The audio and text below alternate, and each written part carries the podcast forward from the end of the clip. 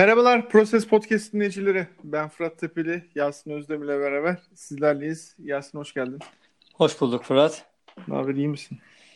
İyiyim. Tabii birazcık geç saatte kendimizce, kendi standartlarımıza göre kayıt yapıyoruz. Evet. Ee, umarım güzel bir yayın olur bizim açımızdan.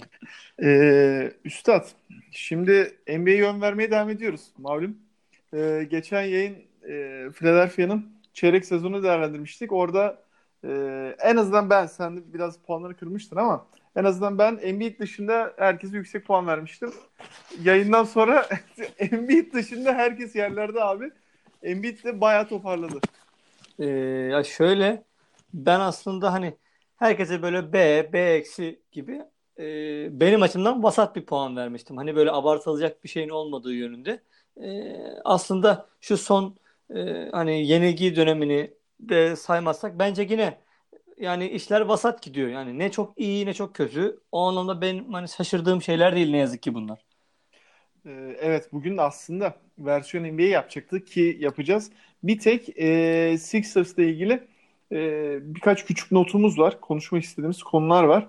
E, bu arada bize de Twitter'dan e, çeşitli konular yazan arkadaşlara teşekkür ederiz. Onlardan da üstünden geçeceğiz.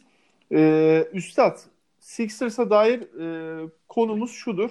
Son 3 maçtır e, Heat, Dallas ve Wizards maçında e, takımların ki buna ilk başlayan Miami Heat maçında e, o maçı da kaybetti Philadelphia. E, takımların savunmada zone uygulamaları yani alan savunması yapmaları. E, Heat maçında e, 3-2 e, alan savunması yapılmıştı. Dallas'ta da e, orada da yer yer şimdi maçı tam hatırlamaya çalışıyorum da e, yine 2-3 alan savunması e, ama şeyde yani orta alanı biraz daha kalabalık tutmuşlardı. E, Heat'te biraz daha kenarlara açılan bir alan savunması yapmışlardı. Ve en son Wizards maçında galibiyet geldi ama o maçta da yine Wizards da uygulamıştı. Yani burada zaten e, takımlar malum abi. Şimdi adam gidip e, bilmem hangi ligin ikinci e, ligini takip ediyor. Scouting sistemi çok fazla.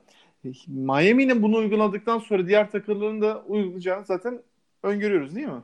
Ee, ya şöyle aslında sezon içerisinde hani ilk defa bu takımlar uygulamıyor ya da ilk defa bu maçlarda uygulanmadı. Daha önce de uygulanıyordu ve bu zamana kadar e, fena bir e, sınavda verilmemişti alan savunmasına karşı. Yani o, e, ligin hani fena olmayan takımlarından biriydi.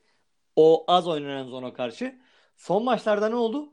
E, feci bir şekilde e, zon uygulanmaya başladı Sixers'a karşı ki ben onunla ilgili bir yazı okudum. Mesela 156 pozisyon olmuş direkt zon e, savunma yapıldığı Sixers'a karşı. Bu mesela nasıl bir rakam? Bir karşılaştırma vermek gerekirse. Geçen yıl 21 NBA takımı e, hiçbir şey yani 156 kez zon savunmaya karşı oynamamış bile. E, daha önceki senelerde daha da düşük bu. E, dolayısıyla aslında e, takımların bir sezon boyunca oynamadığı kadar zon savunmayla karşılaştı Sixers. E, dolayısıyla hani Brett Brown da elinden geldiğince e, ben sazı elime almaya çalıştım ve daha organize bir hücumla daha çok oyun çizerek daha çok takımı ben yönlendirerek hani çare buldum diyor kendince. Onun haricinde baktığında ne yaptık? Ee, işte Furkan'ın rolünü biraz daha arttırdık. Taybal'ı yine bir biraz geri plana çekmiştik ki sakatlanınca zaten Taybal başka bir şans da artık bundan sonrası için e, kalmayacak gibi duruyor. Ve Trey Burke'ün de biraz daha rolü arttı. E, doğru. Katılmadığım tek bir nokta var. Furkan'ı bence yeteri kadar kullanmıyoruz abi. Yani Miami maçını 8 dakika, Dallas maçını sadece 13 dakika kullandık.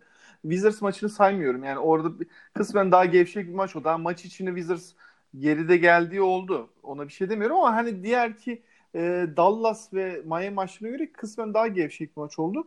Ama burada şöyle bir durum var abi.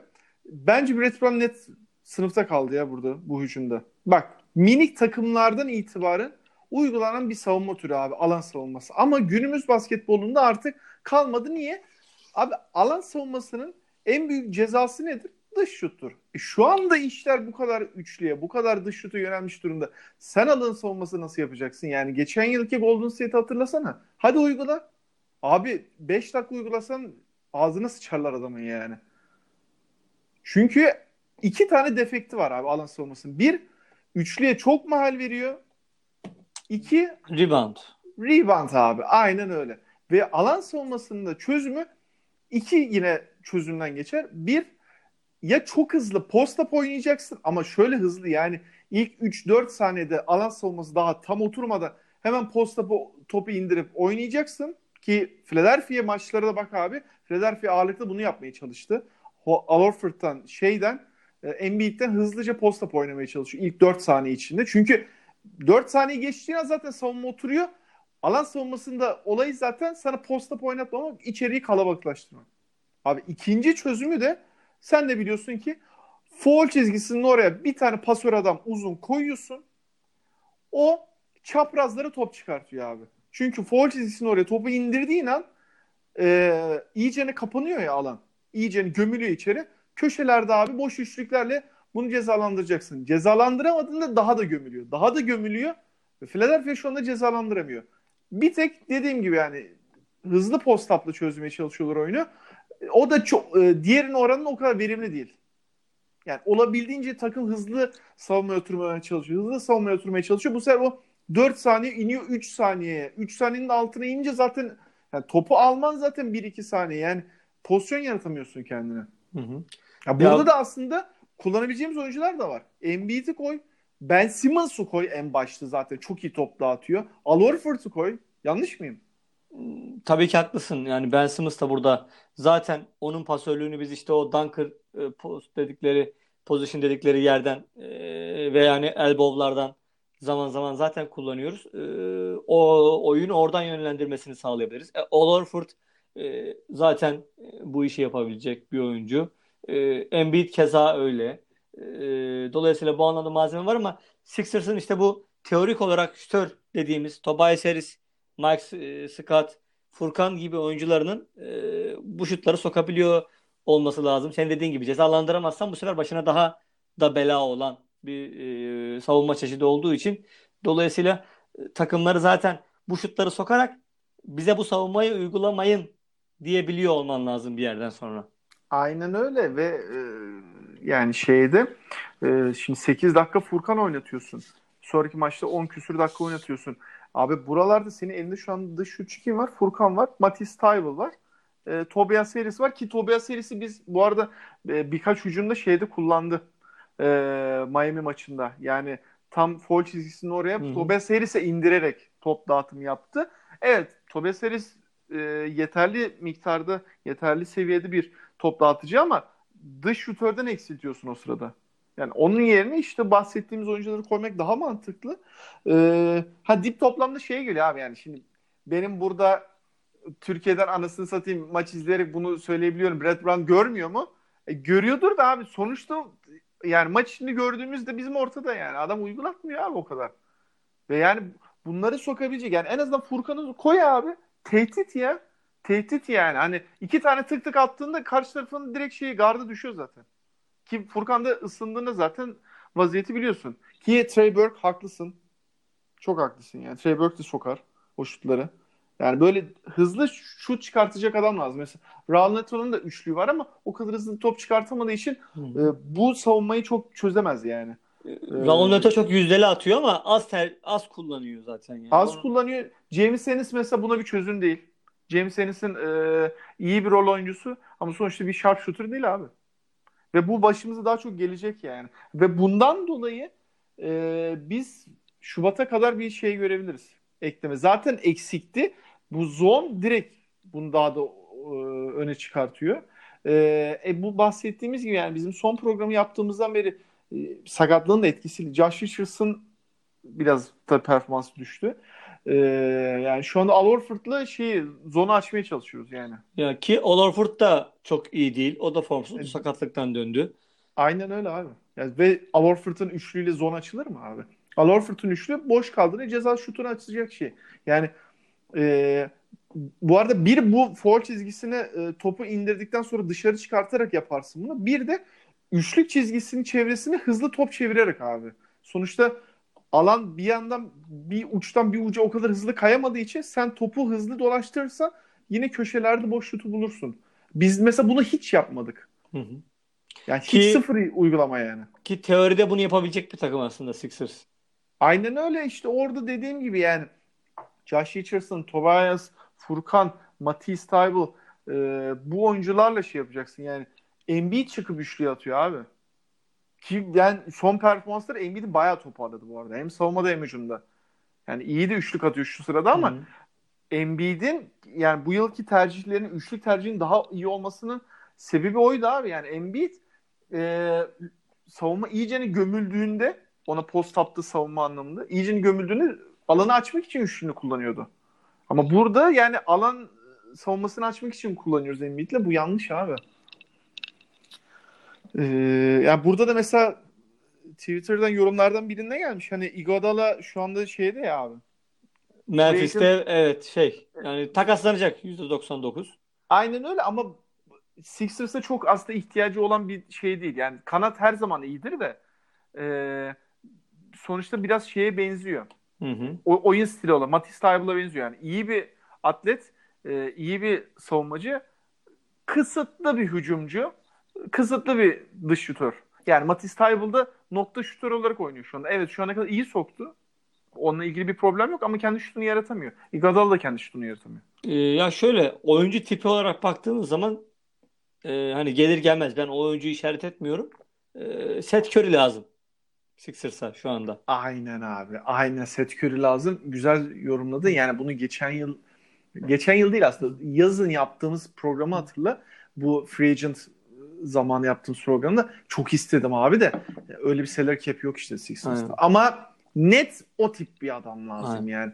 Bench'ten girecek abi 15 dakikada tık tık mesela hemen e, bir 10 sayı atacak sana. Dış şut tehdidi yaratacak. Ya şu zona mesela Seth varken hadi uygulat.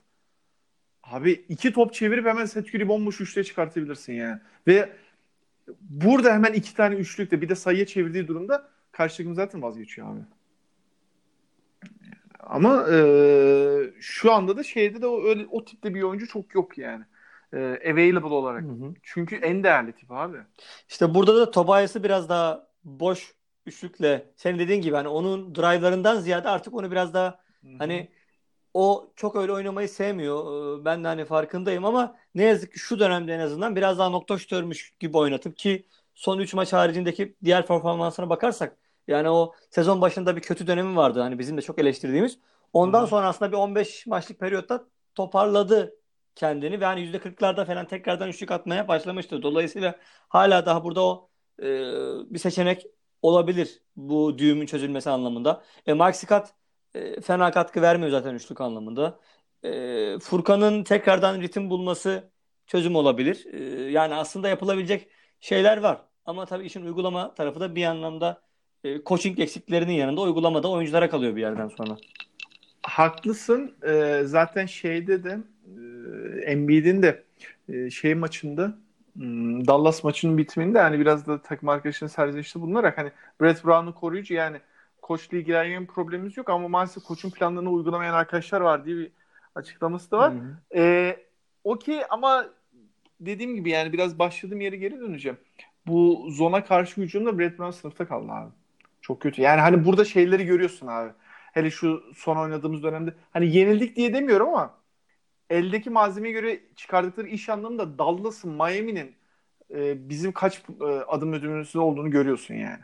Yani, yani ben... adamlar abi Dallas maçında e, temel oyuncuları Doncic oynamadı abi. Çatır çutur oynadı adamlar.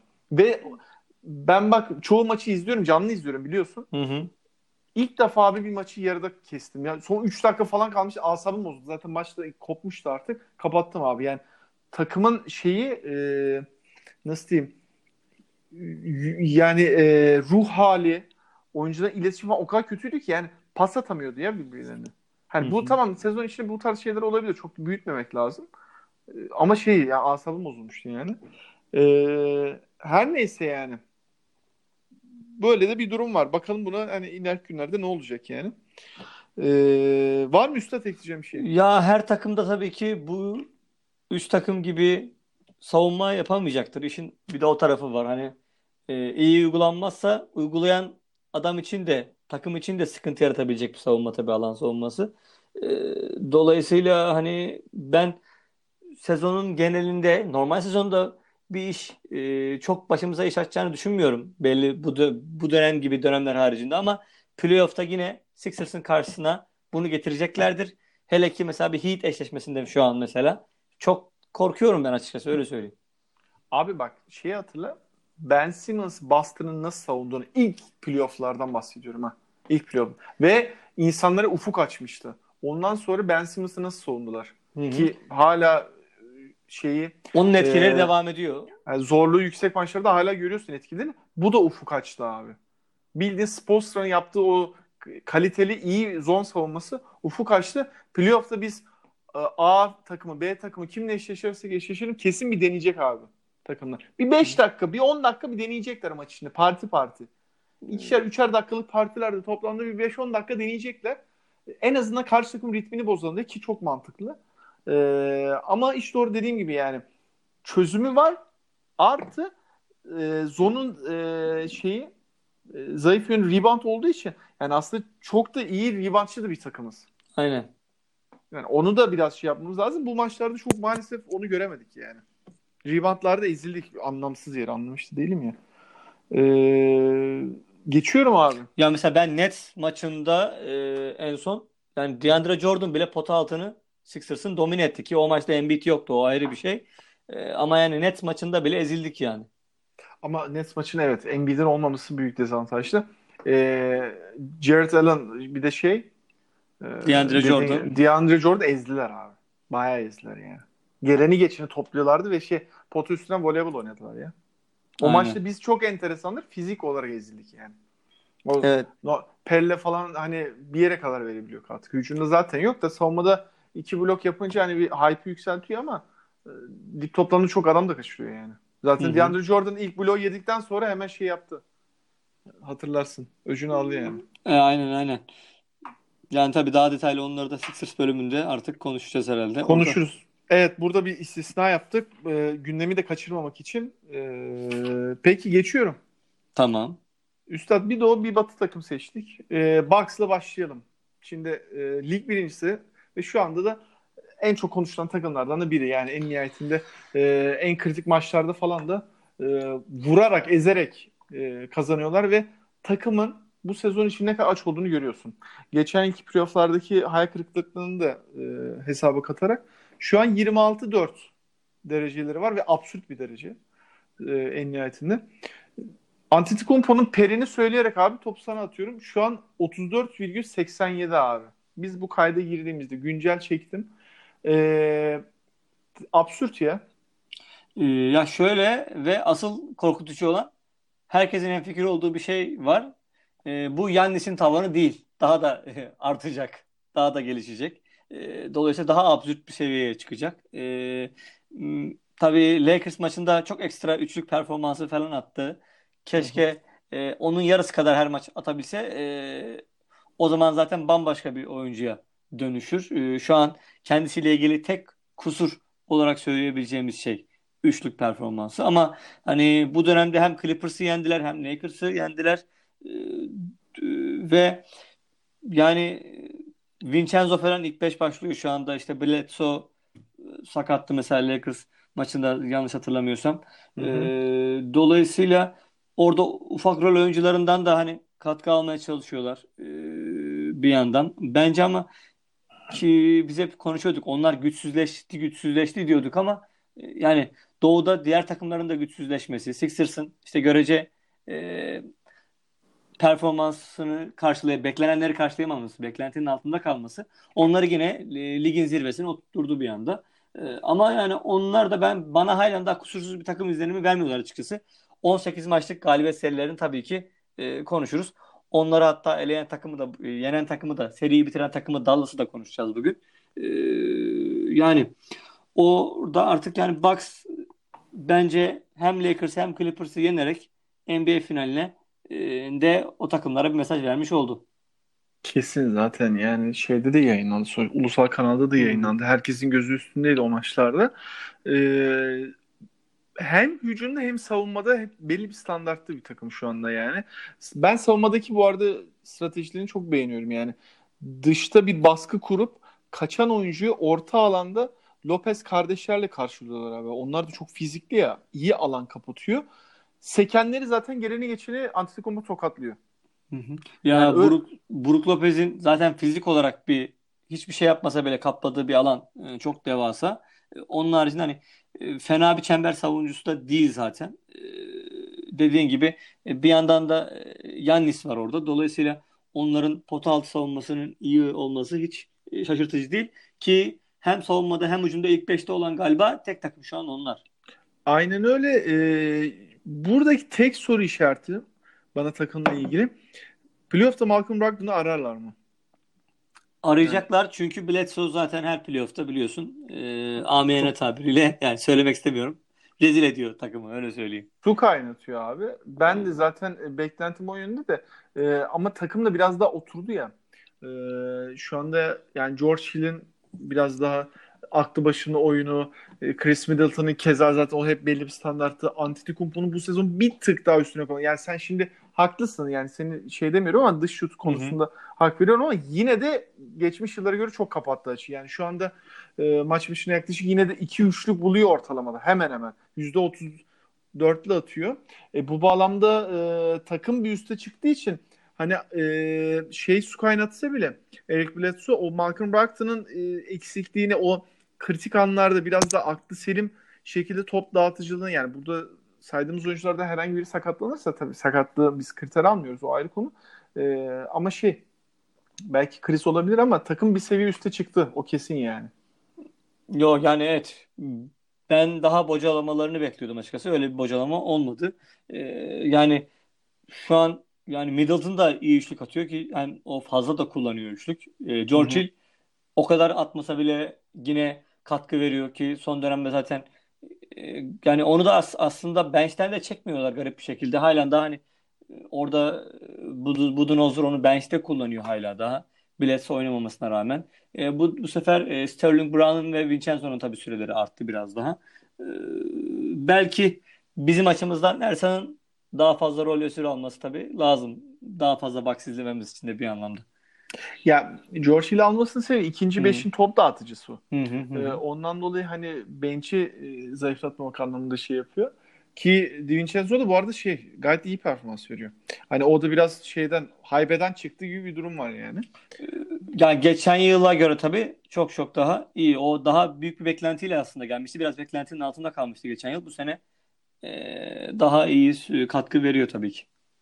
Evet yani e, Doğu finali kesin ee, orada hani biraz da tabii o anki performanslar, e, sağlık durumları biraz da verecek. Ama şu andaki görüntü yani fazla absürt şekilde şey yenilmezler gibi duruyor. Yani Çok NBA yani. NBA finali için mi? Ee... Doğu finali için. Ya NBA finalini görmek lazım. Yani Batı'da e, bir son vitesi takmış LeBron'a ya da Kava'ya bir şey diyemiyorum yani. Yani ben yine o kadar emin konuşmayayım da e, yani mesela Sixers'a halen daha burada bir şans vermek istiyorum ben öyle söyleyeyim. Ama tabii sezon içerisinde yapılacak hamleler, takaslarla bütün resim bir anda değişebilir. E, ama haklısın tabii ki şu an e, sonuçta geçen yılın MVP'si Antetokounmpo ve diğer oyunculara göre, Boston'ın yıldızlarına göre de burada hani en iyi oyuncu faktörü çok önemli hep diyoruz ya playoff'ta. Boston'dan da Sixers'tan da e, Toronto'dan da zaten en iyi oyuncu olarak birkaç gömlek önde Milwaukee. E, dolayısıyla bunun avantajını da playoff'larda kullanacak.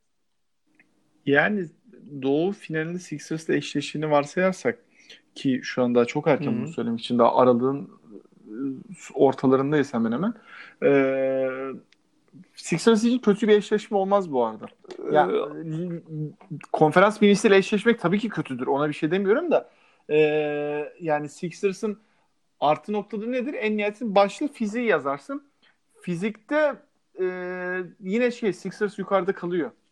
Haklısın. Hatta yani Antetokounmpo'yu e, oyuncu bazında baktığın zaman Horford'la, Simmons'la ve Embiid'le en iyi savunabilecek aslında e, kadrolardan bir tanesi Sixers kağıt üstünde. Aynen öyle abi. Yani 48 dakika Antetokounmpo oynası 48 dakika ona zehir edebilecek bir takım var. Ee, bilmiyorum ama tabii yani hani e, Batı'da da neler olacağına bağlı. Ama şey e, en nihayetini ben Doğu'da şu anda rakipsiz görüyorum yani. Doğu'da şey, onlar gelecek gibi duruyor da tabii dediğim gibi daha sezonun ikinci yarısı var. Ona da bakacağız Üstad. Ya tabii Doğu'nun kusurlu takımları arasında kusursuza en yakın olanı Milwaukee Bucks. Aynen öyle. Ee, bitiriyorum. Tamam. Batı'daki takıma geçelim abi. Bir de Dallas konuşacağız bugün. Ee, Dallas'ta üstad şu anda 19-9. Ee, Batı'da 5. ama Batı'da da biraz kopma var. Yani biz önceki programlarda hani bahsetmiştik ki e, tüm NBA'de diple baş iyicene koptu abi. Yani hani e, şeyde Kaan Kural'ın tabiriyle söyleyeyim. E, orta seviye takım kalmadı. E, kalmadı yani. Ondan dolayı şu anda eskiden hatırla Batı'da böyle %50'nin altında bir derece alıp playoff'a katılma falan imkansızdı yani. Şu anda bir 7-8 e, kontenjada biraz o kısmı ayrıldı gibi. E, Dallas'ta şu anda 5. E, Dallas'la ilgili en güncel haberi vererek başlayayım istersen abi. Doncic ee, mi? Jordan. Doncic Jordan'la 5 yıllık anlaşma yaptı. E, anlaşmanın detayına da çok hafif girmiş olayım. E, bir signature ayakkabısı olmayacak. Yani işte atıyorum Doncic 1, Doncic 2 isminde bir ayakkabısı olmayacak. E, fakat bir exception'ı var. MVP ya da finallerin MVP'si olursa o zaman değişiyor. Çünkü e, endorsement anlaşmalarında e, kendine özel yapılmış bir ayakkabı için ayrı bir şey alıyor oyuncular. E, ne derler bir para alıyorlar. Bir, bir kısım var. Bo- bonus gibi düşünülebilir. E, o yok anlaşmada.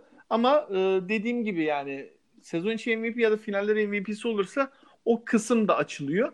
5 e, yıllık bir anlaşma. Real Madrid'deyken Doncic'in e, Nike'la yaptığı 2 yıllık bir anlaşma vardı 2017 yılında. Onun bitimine istinaden e, herkes biliyordur yani Jordan Nike'ın bir alt markası e, en nihayetinde. E, orada işte söylenenler Under Armour'la Puma'nın da bayağı e, yakın markaj e, şeklinde yaptığı da tabii e, şeyde Jordan da şey değiştiriyor abi yüz değiştiriyor yani e, onların ana oyuncuları Carmelo ile işte Chris Paul biliyorsun e, şu anda bit, kariyerinin bitmez seviyesinde.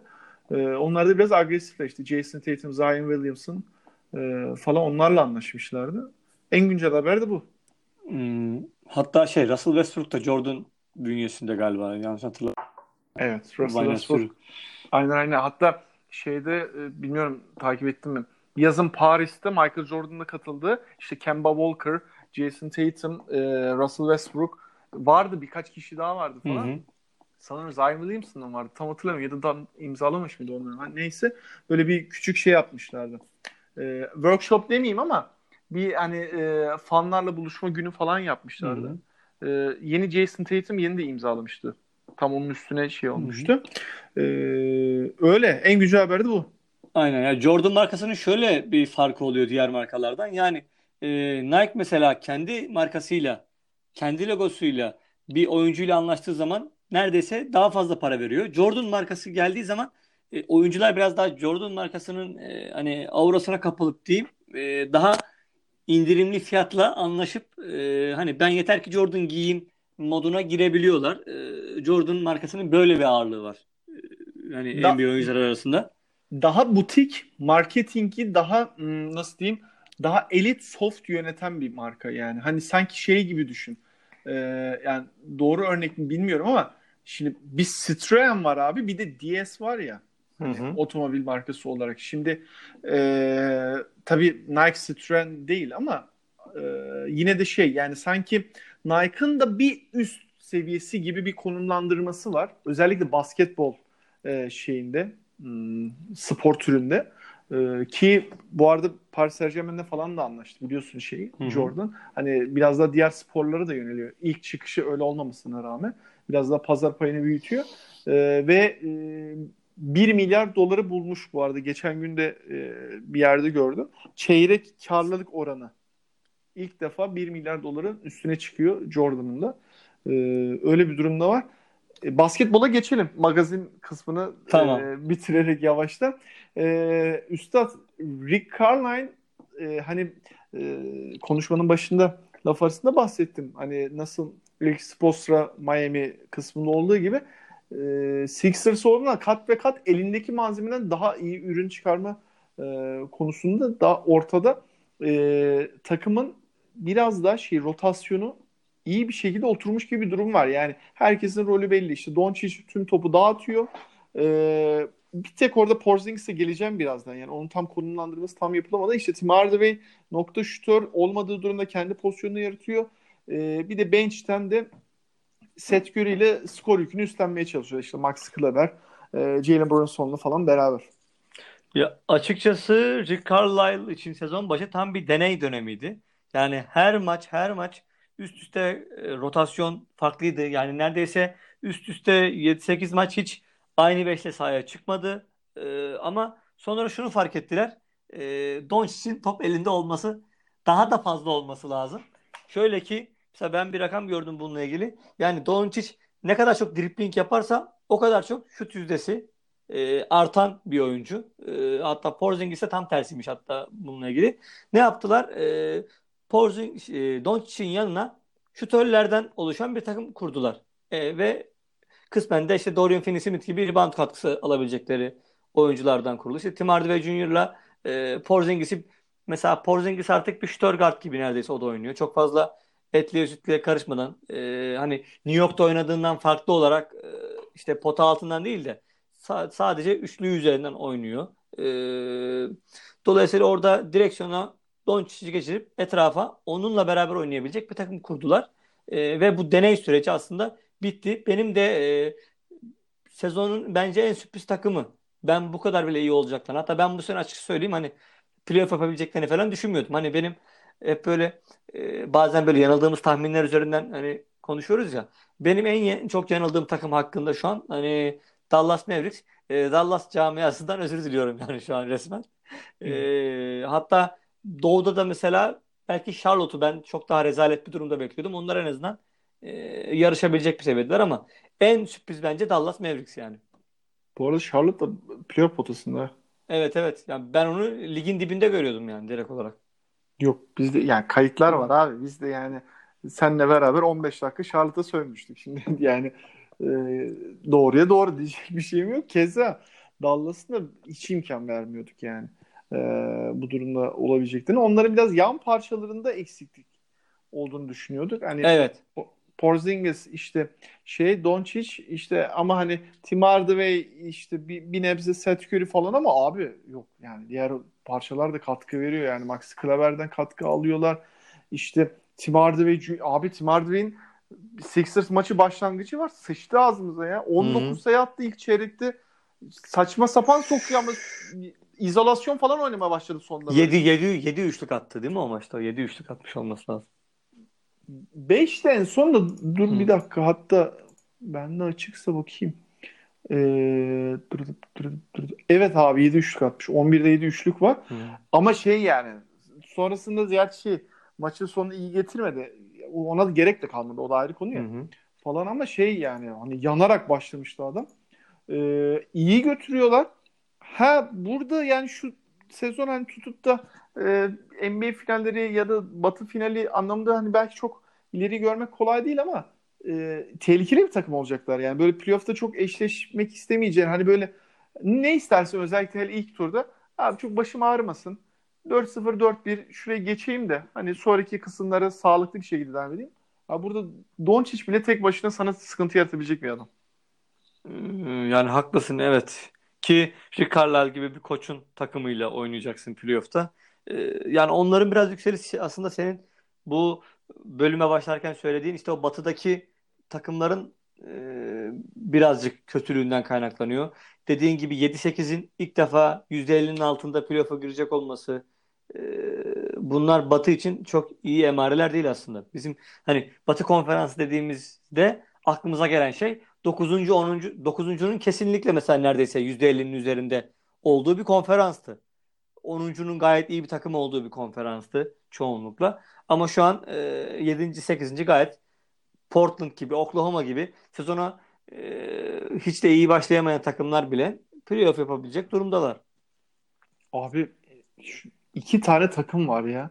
Batı'da bak %50 ve yaklaşık e, şeye sahip olan dereceye bir Oklahoma %50, Portland e, %46. Yok yani hani bildiğin hiç arası yok. Sonra Oklahoma'da bir tık üste çıkıyorsun %62 galibiyet oranında Utah Jazz geliyor. Ee, onlar da birçok otoritenin aslında bu sene hayal kırıklığı dediği bir takım daha iyi olmaları bekleniyordu. Aynen hayal kırıklığı diyorsun 18-11 dereceleri var ama baktığında batıda 6. falan böyle salak bir durumda. Yani normalde 18-11 derece gayet şey ilk 3 için yeterli bir derecedir yani. İşte onlar da kısmen Sixers'a benziyorlar bu anlamda. Aynen öyle. Ee, bakalım iyi gidiyorlar. Doncic bu arada yavaştan dönecek herhalde değil mi? Ee, zannedersem iki hafta oynamayacaktı. İlk Ya açıklandığında. Sixers, Sixers maçında şey ısınıyordu yani. Hı hı. Ha, oynatmadı o ayrı konu da. Ee, yani bir 2-3 maç içinde dönmesi bekleniyor onun da. Ee, bakalım yani orada bir yapılanma iyi gidiyor. Ee, diğer taraftan yani onların salary cap açısından da Courtney ile zaten sözleşmeleri bitiyor.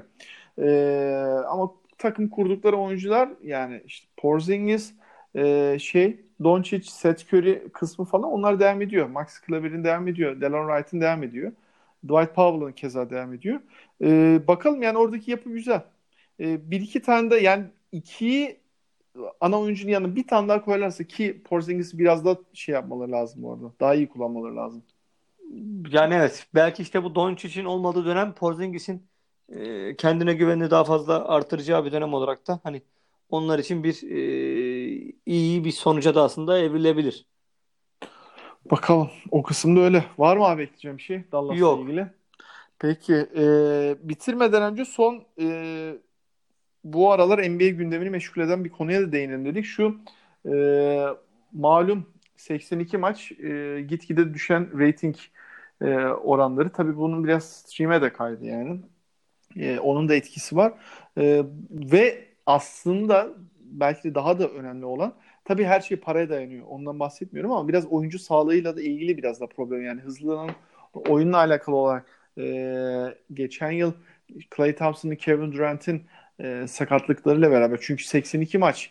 E, bir de abi yaklaşık 20 maçı yakın hani sonuna kadar getirdiğini varsa e, playoff var. 100 maçı geçiyor. Bu kadar tempo, sürekli yolculuk falan e, onunla alakalı şu anda NBA yönetiminin e, bir kendi içine görüştüğü bir konu var. Ben üstünden biraz geçeyim. Konuyu sana Hı hı. atayım abi. E, 78 maçı indirip sezon içi bir turnuvaya e, getirme, ekleme diyeyim. E, burada da oyuncu başına 1 milyon dolarlık bir e, ücret ödenmesi. Çünkü 82'den 78'e indiğinde abi maç başına yaklaşık ortalamada 2-2,5 milyon dolarlık her takımın geliri var. Buradan feragat etmiş oluyorsun. E, işini feragat etmek istemiyor tabii kimse.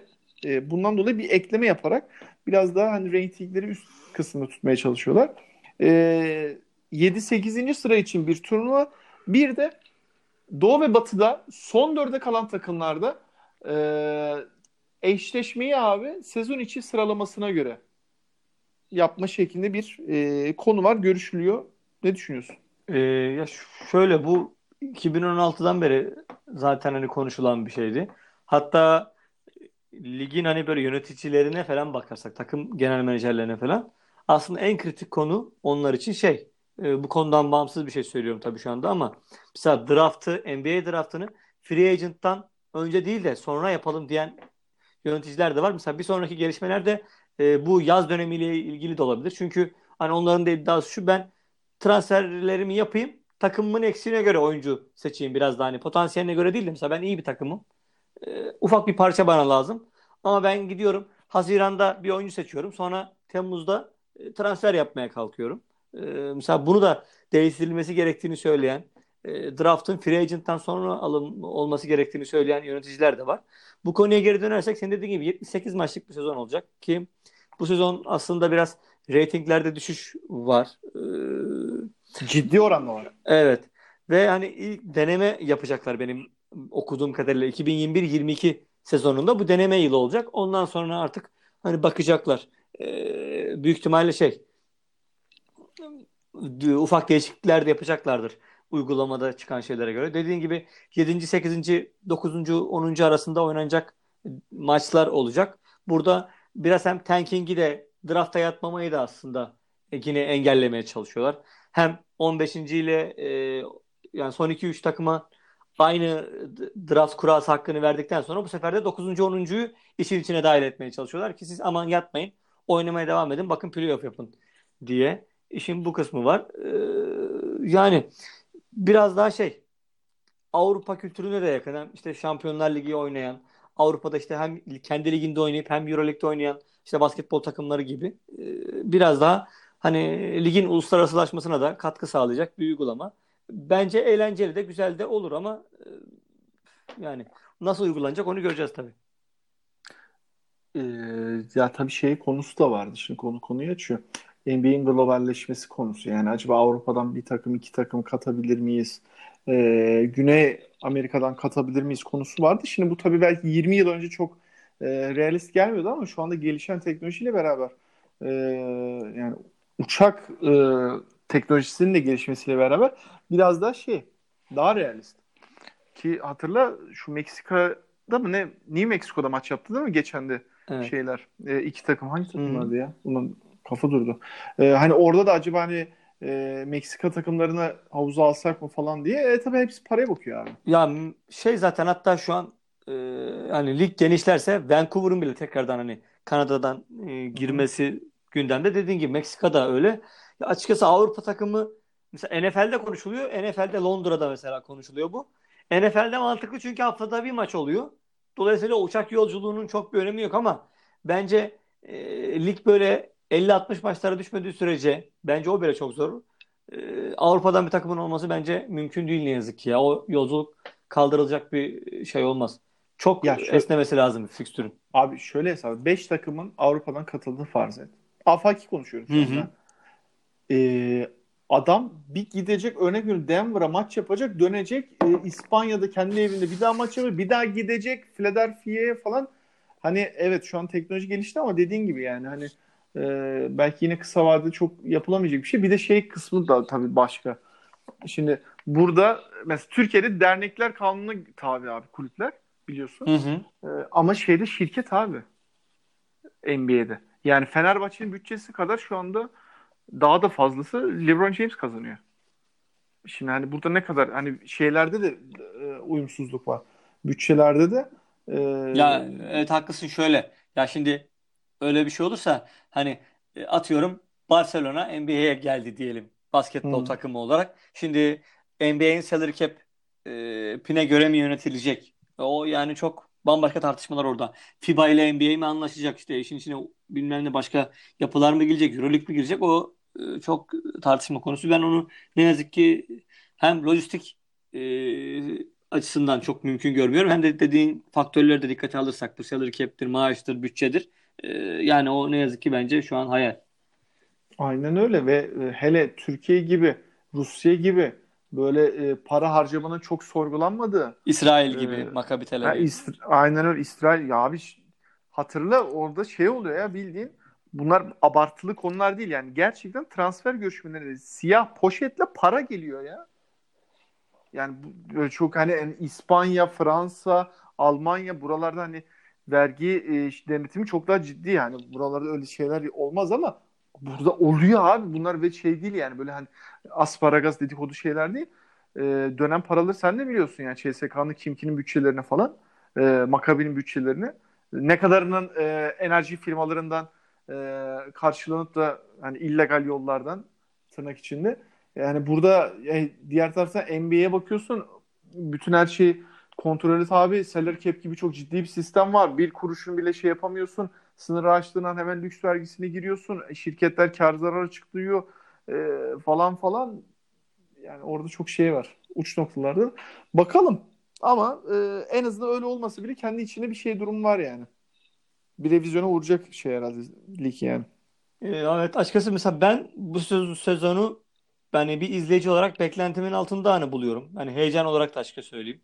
Ee, benim açımdan kısmen tatsız ve renksiz geçiyor. Ben, şey açısından bence biraz güzel geçiyor da şu yazın çok oyuncu değişimi oldu ya. Hani oyuncuları yeni takımlarıyla görüyorsun falan. Bu bir sonuçta şey e, nasıl denir? Bir heyecan yaratıyor yani. Ya o, o bir renk o kesin yani yeni transferler her zaman Hı hı. ilgi çeker o kesin. Ama şeyden mesela çok e, boş çıktı yani e, draft. Yani hani e, gerçekten ilk 3-4 sıra bir de işte Kendrick Nunn, Tyler Hero kısmını bir kenara koyarsak falan. Hani oradan çok böyle e, ya abi bu adam var şu maçı izleyeyim diyebileceğin çok bir oyuncu yok. İşte Ja Morant biraz şey yüksek ama RJ Barrett falan hiçbir şey vermiyor yani. Hani böyle izleme anlamında. Katkı vermiyor anlamında değil de hani böyle göze hoş gelme anlamında. Ya bu draft zaten Zion Williamson draftıydı. O da sakatlanınca yapacak bir şey yok. E, tamam Üstad var mı ekleyeceğim bir şey? Yok. Ee, ben küçük bir şey ekleyeyim. Ee, Rice Ricky Sanchez'e Furkan konuk oldu Hı hı. Ee, tavsiye edelim dinleyenleri de e, onu da kaçırmamalarını. Ee, ben daha dinlemedim bu arada. Bilmiyorum Yok, sen dinledin mi? Yo daha zaten hani biz yayına hazırlanırken e, o Twitter'dan falan paylaştılar. Daha yeni yayınlandı yani. O yüzden benim de dinlemeye vaktim olmadı. E, yani evet bir Türk oyuncunun da mesela e, Sixers taraftarlığı açısından önemli bir yayına konuk olması da bence hani Furkan'ın e, takım içerisindeki yeri açısından da o kültüre uyumu açısından da ben çok önemli. Hani e, diğer oyuncularımızın tabii zamanında podcast dediğimiz olay çok fazla gelişmemişti ama diğer yayınlara da fazla katıldığını çok e, görmüyorduk açıkçası. Bu anlamda da bir kariyer yönetimi açısından da bence e, çok iyi bir gelişme Furkan açısından. E, haklısın. Burada tabii şey de var. E, bu sezonki kendi reputasyonunu da geliştirmesi. Yani hem oyunu gelişti hem de işte bu son saniye basketi Sarı, şu... sarı, sarı ayakkabı mevzusu. Aynen öyle abi. Sarı ayakkabı mevzusu falan her maçta aynı ayakkabı giyip böyle direkt dikkat çekti falan. Onu da değiştirdi bu arada son maçta. Yeşil yine fosforlu yani hani e, gece karanlığında kaybolmayacağı türde bir ayakkabıyla e, sahaya çıktı. E, abi ağzına sağlık. Teşekkür ederim ben de sana. E, ne konuştuk? Sixers'ın zone savunmaya karşı hücumunu konuştuk. Biraz orada yani hani Iguodala hamlesi ne kadar e, katkı verir az biraz da değinmiş olduk. E, diğer taraftan Batı'da Bucks, Doğu'da da özür dilerim ters oldu. Doğu'da Bucks, Batı'da Dallas konuştuk. Sonda da bu e, NBA'in e, sezon yönetimi, maç sayısı e, ve takvim anlamında e, bir revizyonu konusu var. Şu aralar konuşulan. Biraz da ona değinmiş olduk. E, biz dinlediğiniz için teşekkür ederim. E, ben Fırat Tepeli, Yasin Özdemir beraber sizlerleydik. Hoşçakalın. Hoşçakalın.